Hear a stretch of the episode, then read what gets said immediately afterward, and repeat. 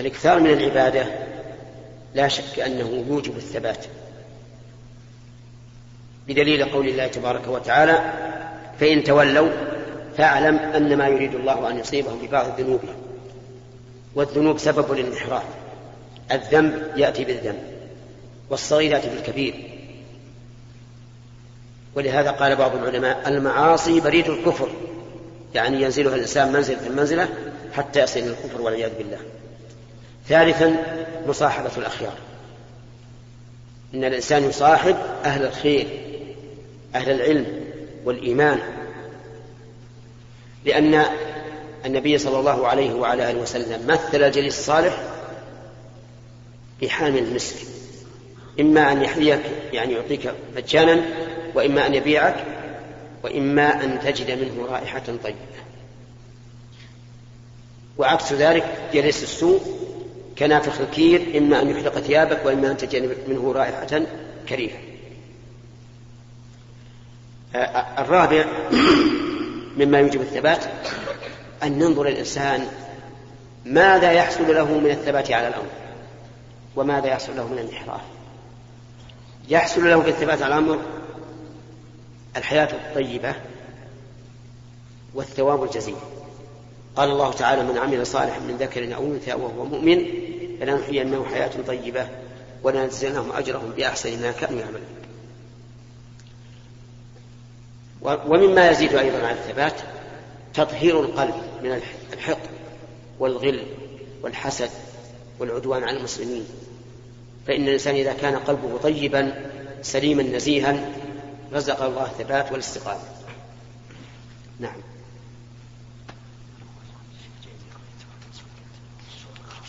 طيب. نعم. في صلاة العشاء كان الإمام وكان في الركعة الثالثة دون الجلوس في التشهد الأول فسبح من وراءه فجلس رجع إلى التشهد الأول. قبل السلام سجل سجود السهو وسلم. ثم قام واحد من المؤمنين وقال إن كان يعلم الحكم من ساوى فصلاته باطلة. وإن كان لا يعلم فلا أدري الحكم ولكن أرى أن نعود أن أن نعيد الصلاة. فعدناها. فهذا جاز. أما إعادتكم إياها بناء على أن هذا واجب عليكم فلكم الأجر إن شاء الله. وأما الصواب فإن الإنسان إذا قام عن التشهد الأول حتى استتم قائما لا يجوز له أن يرجع. فإن رجع متعمدا بطل الصلاة. أما إذا كان جاهلا فلا تبطل. فالإنسان إذا ترك التشهد الأول واستتم قائما نقول لا ترجع.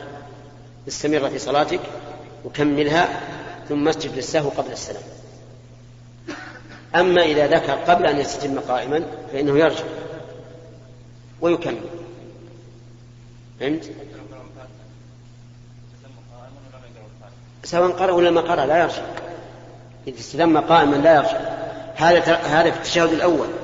لكن لو نسي سجدة وقام. فهذا يرجع ولو قرأ الفاتحة ولو ركع. لا بد أن يرجع. يرجع لما ترى. مثلا لو قام من السجدة الأولى ثم قرأ الفاتحة ثم ركع وذكر أنه ما سجد إلا مرة. يقول على طول اجلس. اجلس وقل رب اغفر لي وارحمني ثم اسجد. ثم كمل الصلاة ثم اسجد السهو بعد الصلاة. نعم. يسار. الشيخ إنسان مثلا يعني نام آخر الظهر فلما يعني قام من النوم ظن أن صلاة العصر يعني انتهت وصلى في البيت. فعلم أن صلاة العصر لم تنتهي. هل في هالحالة يصلي في المسجد أم لا؟ نعم. هذا يقول إنه استيقظ فظن أن الناس قد صلوا العصر. فصلى الظهر ولا العصر؟ لا صلى العصر. العصر. ثم تبين له أن الناس لم يصلوا. فهذا لازم ان يذهب إلى المسجد ويصلي مع الناس. لأنه أدى الصلاة وبدا ذمته نعم.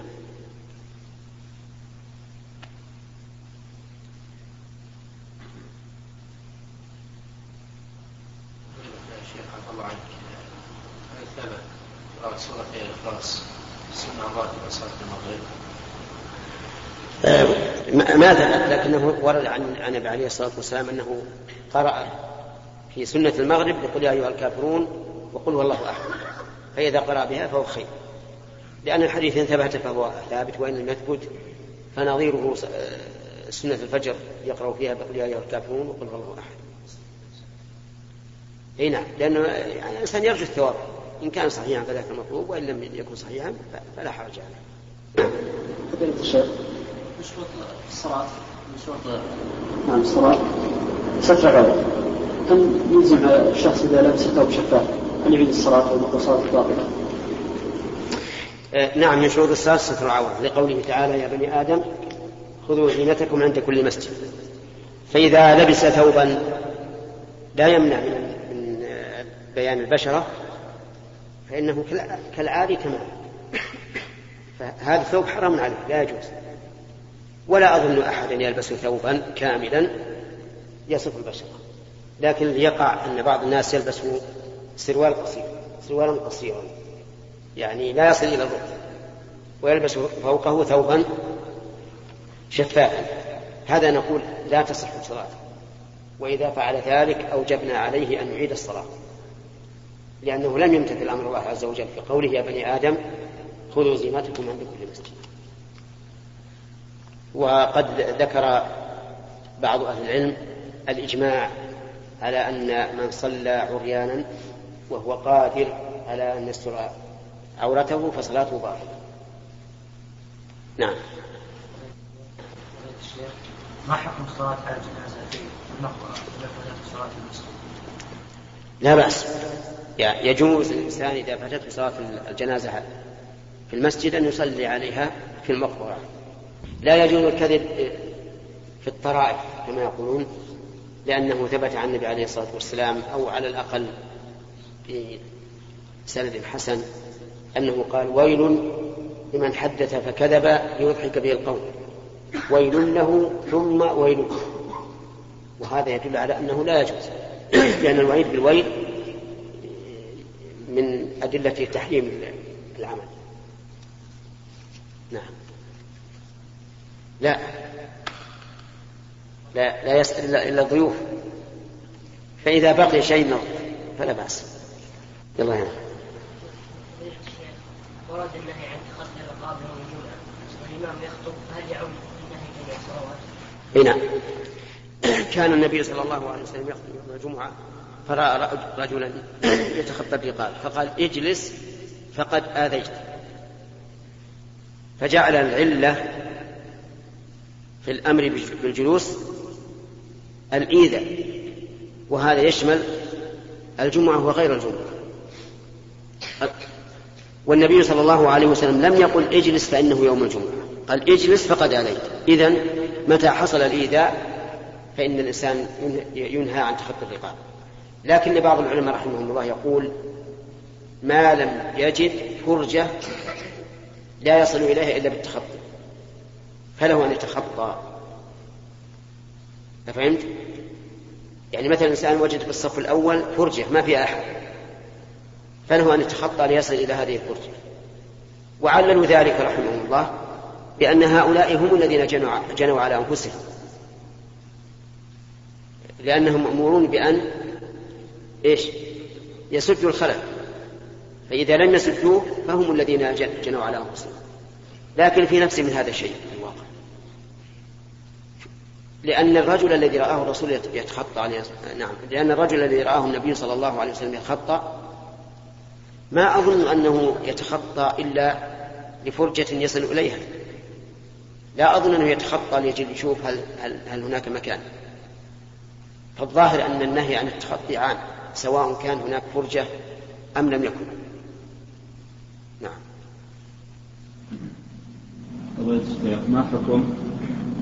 شراء السيارة بالتقسيط مع عدم الحاجة إلى ذلك. يعني إنسان يبي يشتري سيارة لأنها أحسن من السيارة اللي عنده؟ إي نعم عنده المبلغ. إيه؟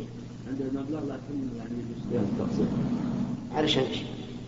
يعني حاجة إلى المبلغ. آه يبي يشتري سيارة ويبيع.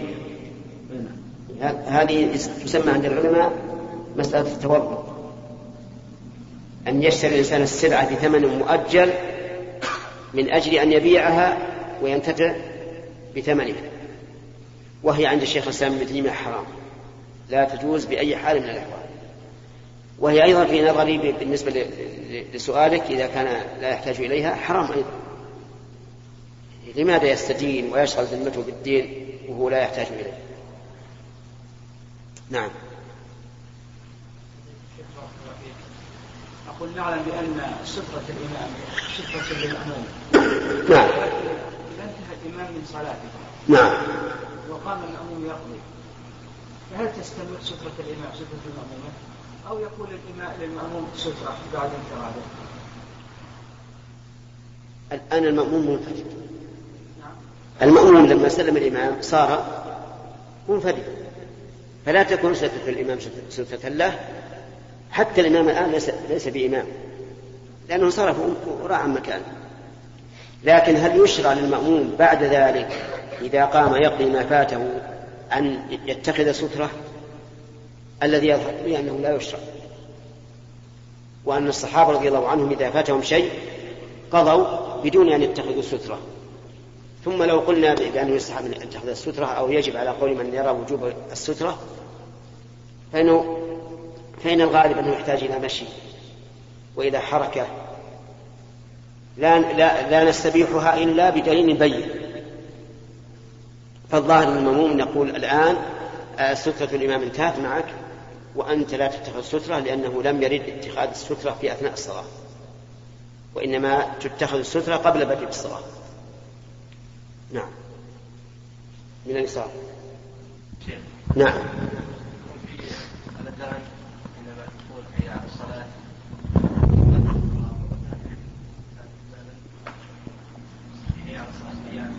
نعم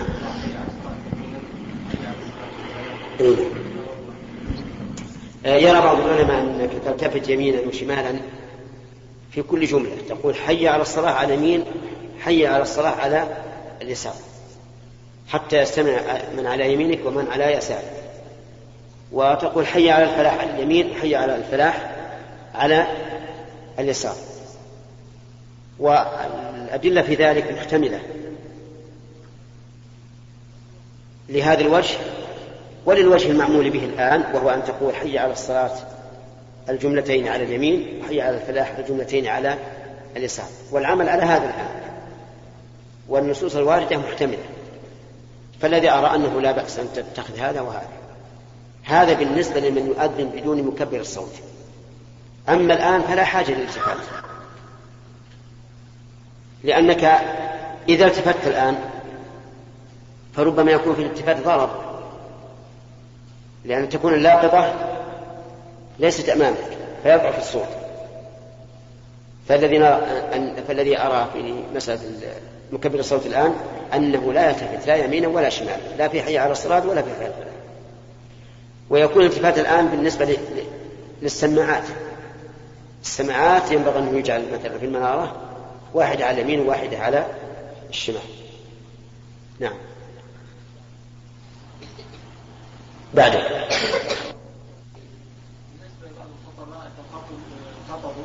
يجعلون الخطبه مناسبات يعني إذا جاء موسم الإسراء والمعراج يخطبون فيه ويبينون بعض الفوائد ثم يعرفون على بيان بعض البدع والأخطاء التي تقع في هذا اليوم. نعم.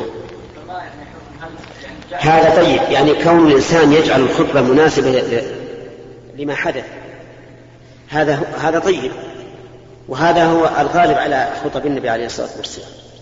ولهذا إذا إذا وقعت حادثة تحتاج إلى خطبة قام وخطب حتى بغى الجمعه كون الإنسان يراعي الأحوال ويخطب في المناسبات هذا طيب. مثلا في رمضان يتحدث عن الصيام. في الحج عن الحج في ربيع الأول عن الهجرة.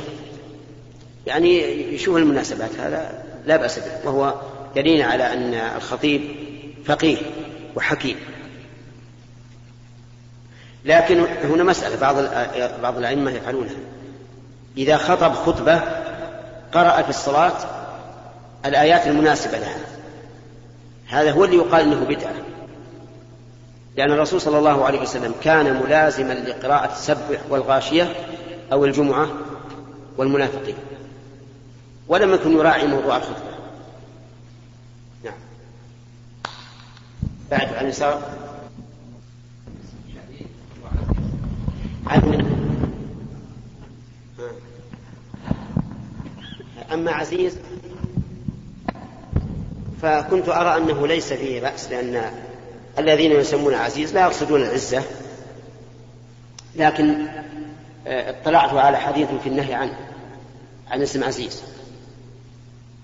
وأما شهيد فالشهيد كما تعرف مفرد شاهد والله تعالى قد أثبت الشهادة آه، للناس فقد استشهدوا إيش؟ شهيدين من رجال لكني أخشى إذا سمي بشهيد أن ينصرف الذهن أول ما ينصرف إلى إلى شهادة الله عز وجل فإنه شهيد على عباده. فتجنب هذين الاسمين لا شك أنه أولى. والأسماء والحمد لله كثيرة. الذي يريد أن يعرف الأسماء يرجع إلى الإصابة في معرفة الصحابة لابن حجر. وعنده اسم عبد الله بالمئات. يعني تضيق على الإنسان أن يأتي بمثل هذه الأشياء وهو من المناسب الآن. الآن الناس يدورون أي شيء شاذ يسمون به. نعم. حتى يسمون أفنان وأظن أيضا أغصان. نعم. وما أشبه ذلك. واحد سمى ولده نكتة. قال هذا موجود في القرآن. أرسل معنا أخانا نكتل. فظنوا أن نكتل بدل من أخانا وهي نكتل هذه فعل مضارع مجزوم لكن الجهل. الحمد لله عندك الأسماء كثيرة عبد الله وعبد الرحمن وهي أحب الأسماء إلى الله. أسماء الأنبياء كمحمد موسى عيسى يوسف وما أشبه ذلك. نعم.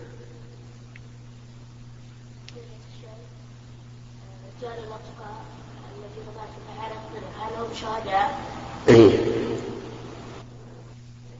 أي نعم. أولا نقول كل من مات بحريق وهو مسلم فإنه من الشهداء. لأن النبي صلى الله عليه وسلم قال الحريق شهيد. لكن ما نقول فلان شهيد لأنه مات بالحرق.